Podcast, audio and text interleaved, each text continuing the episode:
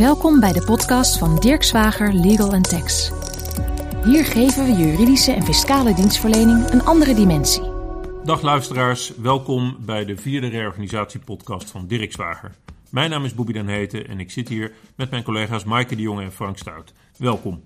Dankjewel. Dankjewel, Bobby. Ja, we zijn allemaal werkzaam op de sectie arbeidsrecht van Dirk Zwager en we houden ons onder meer bezig met het ontslagrecht. Uh, ja, in deze tijd uh, wordt er veel over gesproken. Uh, reorganisaties, bedrijven die moeten herstructureren, omzetverlies. En dat is de reden dat wij in deze reeks van acht podcasts u meenemen in de wereld van het reorganiseren.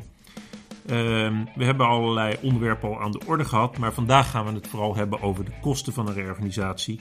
En ehm, wat ik eigenlijk wel als, als eerste punt kan zeggen is dat uh, uh, zo'n reorganisatie, uh, de grootste kosten zitten vaak in de doorlooptijd van de reorganisatie. Hoe sneller je een reorganisatie tot een goed einde weet te brengen, hoe lager de kosten, omdat gedurende de hele reorganisatie de loonkosten doorbetaald moet worden. Maar er zijn ook andere kosten, zoals bijvoorbeeld transitievergoedingen en juridische kosten. En soms zijn er ook nog weer andere kosten, al dan niet voortvloeiend uit een sociaal plan. Daar gaan we het vandaag over hebben.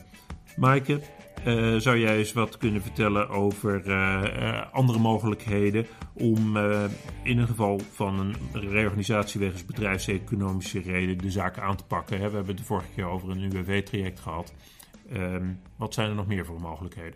Nou, er zijn natuurlijk ook gevallen denkbaar waarin de werkgever dus inderdaad tot gedwongen ontslagen over moet gaan, maar toch de voorkeur geeft aan um, een meer informeel traject door in goed overleg met de werknemers tot afspraken te komen. En die afspraken die worden dan uh, vaak vastgelegd in een vaststellingsovereenkomst. Um, waarbij het voordeel voor de werkgever is dat de kosten voor het doorlopen van de procedure, zoals je dat net al terecht noemde, uh, vanzelfsprekend worden beperkt. Um, je moet daar, daarentegen in een onderhandelingstraject over zo'n vaststellingsovereenkomst wel rekening houden met een aantal andere kosten. En het gaat dan, bijvoorbeeld om een beëindigingsvergoeding of een outplacementbudget, soms ook een uh, tekenbonus om vertrek te stimuleren of een tegemoetkoming in de kosten voor uh, juridische bijstand. Um, ik kom daar straks nog wat uitgebreider op terug. Oké, okay. maar ik, ik, ik, hoor jij dus uh, zeggen van vaak loont het om gewoon in overleg te treden met de werknemers om het hele traject van de reorganisatie te verkorten. Dat is vaak goedkoper. Dan kun je misschien wel wat meer meegeven aan de werknemers, uh, maar uiteindelijk ben je als werkgever goedkoper uit. Absoluut. Um, ja, uh, ik, ik had het net al even over de transitievergoeding.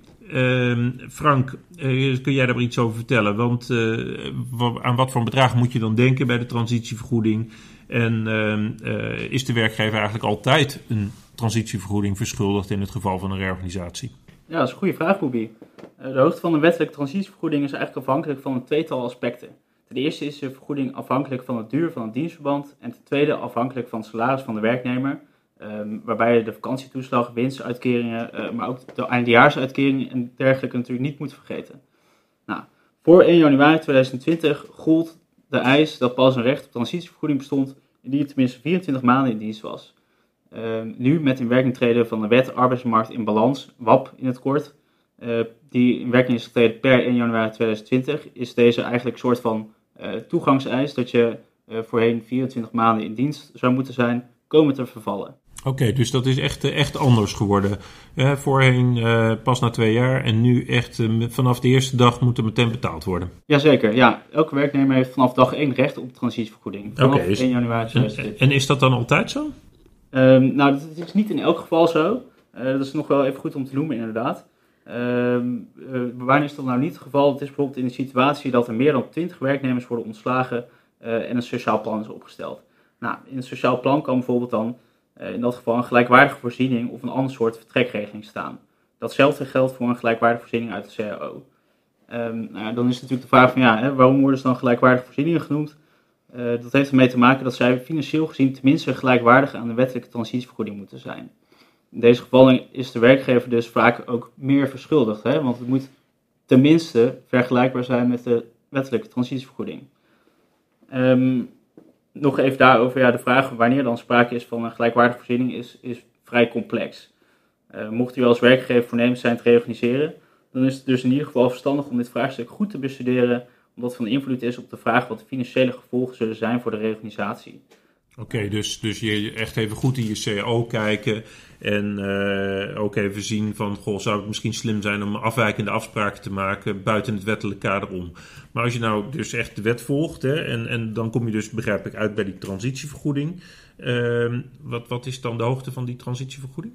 Nou, Boeien, daar kan ik eigenlijk vrij kort mee zijn. Uh, sinds 1 januari 2020 is transitievergoeding, uh, of in ieder geval de berekening daarvan, voor iedereen gelijk. Uh, hij is namelijk zo hoog als 1 derde maandslags per gewerkt dienstjaar bij u als werkgever. nou ja, let wel trouwens daarbij, mocht, u een van de mocht u een opvolgend werkgever zijn of is de werknemer bij u in dienst getreden nadat een ander bedrijf heeft overgenomen, dan moeten dienstjaren bij uw voorganger mee worden genomen in de berekening van de hoogte van de transitievergoeding. Um, nou ja, ook goed om te noemen overigens is trouwens dat de transitievergoeding pro rata wordt berekend indien sprake is van een gedeelte van het dienstjaar dat de werknemer voor u heeft gewerkt. Oké Frank, dus uh, de hoogte van de transitievergoeding is nu in alle gevallen een derde maandsalaris per gewerkt dienstjaar, maar dat wordt dan berekend per dag. Uh, maar uh, vroeger was er dus ook een uitzondering voor oudere werknemers met een uh, lang dienstverband. Die kregen een hogere vergoeding. En er was ook een, een soort regeling voor kleine werkgevers die dan niet of minder hoefden te betalen. Bestaan die uitzonderingen nog? Uh, nee, nee, sinds 1 januari 2020 uh, is de opbouw van transitievergoeding dus voor iedereen gelijk.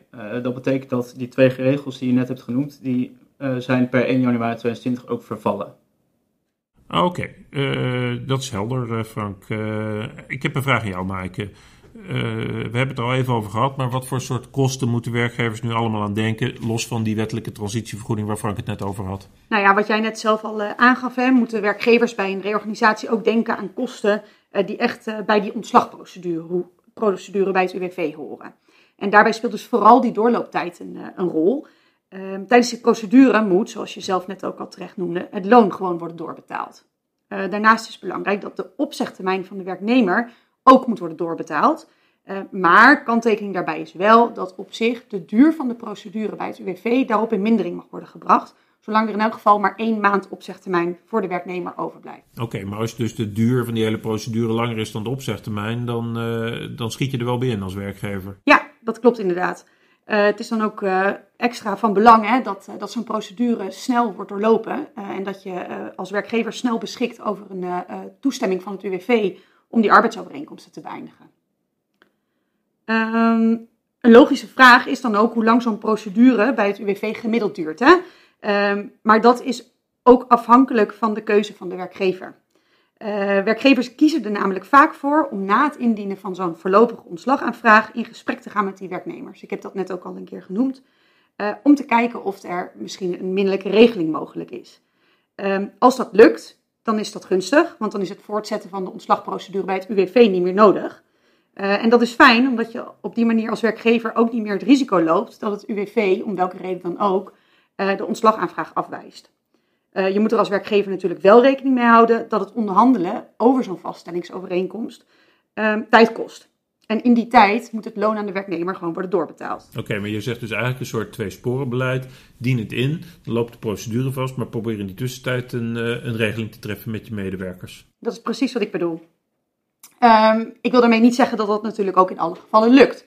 In sommige gevallen lukt het namelijk niet om met de werknemer tot uh, uh, afspraken te komen. Maar dan moet de procedure alsnog dus worden voortgezet bij het UWV. Ja, en, en dat kost natuurlijk meer tijd en daarmee automatisch helaas ook meer geld. Um, misschien is het nog goed om te noemen dat het UWV er in beginsel naar streeft om binnen vier weken na ontvangst van de volledige ontslagaanvraag een beslissing te nemen. Um, de ervaring leert inmiddels wel dat die termijn meestal niet wordt gehaald. Uh, vaak heeft het UWV nog vragen en krijgt de werknemer dan ook nog de tijd om op de reactie van de werkgever te reageren. Maar pas nadat het UWV uh, de antwoorden van de werkgever en de reactie van de werknemer heeft ontvangen, is de aanvraag volledig. En gaat zij daarna dus pas een beslissing nemen.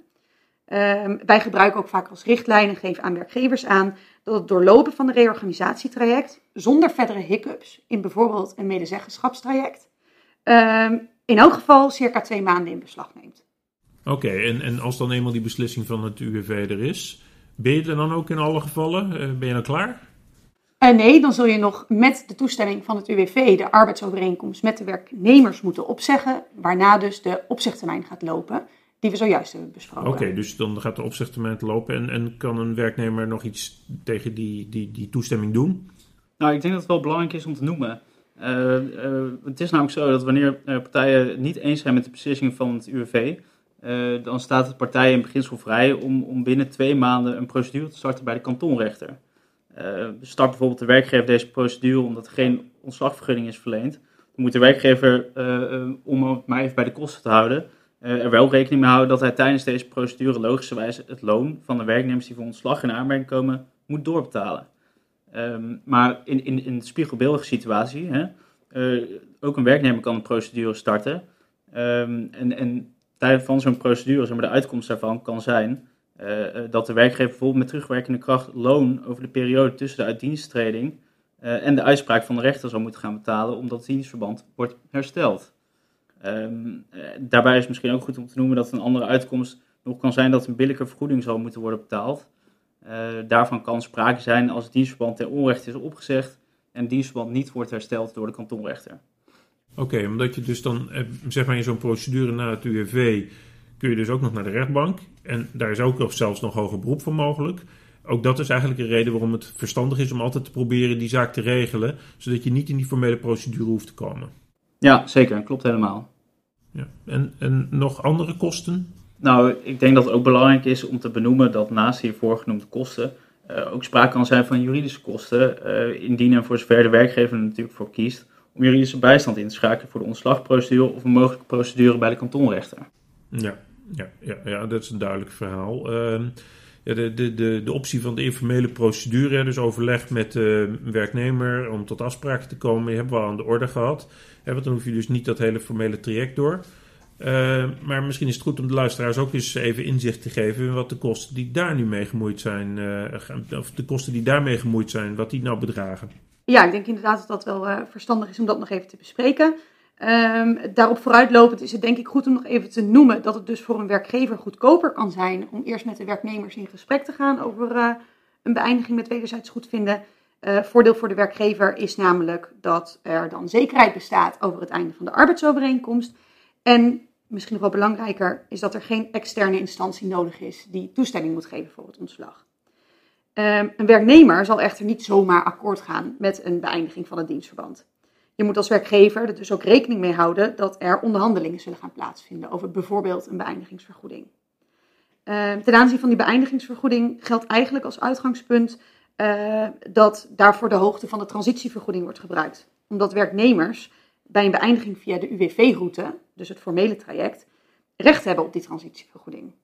Uh, vaak zie je dan ook dat werkgevers die transitievergoeding verhogen om het voor de werknemer aantrekkelijker te maken om in te stemmen met deze regeling. Um, daar komt nog bij dat er ook andere punten zijn waarover vaak wordt onderhandeld in het kader van zo'n vaststellingsovereenkomst. Dan kun je bijvoorbeeld denken aan uh, het verplaatsen van de einddatum, een vrijstelling van werkzaamheden, het uitbetalen van de vakantiedagen, een outplacement budget. Um, soms wordt er ook een tegemoetkoming in de kosten voor juridische bijstand voldaan. En een tekenbonus kan sommige werknemers ook over de streep trekken om in te stemmen met een regeling. Belangrijk daarbij is, is dat het in alle gevallen gaat om individuele afspraken met specifieke werknemers. En ons advies is dan ook om in zo'n vaststellingsovereenkomst een hele goede geheimhoudingsbepaling op te nemen. Dit is ook wel logisch, want een werknemer die een sterke onderhandelingspositie heeft, bijvoorbeeld omdat de kans dat de ontslagaanvraag voor die werknemer wordt toegewezen heel klein is, die krijgt vaak een beter aanbod van een werkgever dan een werknemer waarvoor de werkgever eigenlijk heel sterk staat in de procedure. Geheimhouding is dan wel prettig, omdat je niet wilt dat de werknemers onderling met elkaar gaan praten over de voorwaarden waaronder hun eigen arbeidsovereenkomst zal eindigen. Oké, dankjewel Maaike. Helder verhaal. Ja, als ik uh, dan conclusies trek, dan zie je dat in zo'n reorganisatietraject uh, er behoorlijk wat afslagen moeten worden genomen. Je kunt uh, daar uh, veel uh, verschillende uh, ideeën over hebben. En het is denk ik wel verstandig om je gewoon goed te laten begeleiden bij zo'n reorganisatietraject, omdat dat veel kosten kan besparen. Daarmee zijn we aan het einde gekomen van, van deze podcast over de kosten van een reorganisatie. Ik wil Maaike en Frank, mijn collega's, hartelijk danken voor hun inbreng. En u, luisteraar, bedanken voor het luisteren naar deze podcast. Uh, we horen u graag terug bij de volgende keer dat we weer een podcast gaan maken. En die zal gaan over de rol van de ondernemingsraad en medezeggenschap bij een reorganisatie. Dirk Zwager Legal Tax, podcast.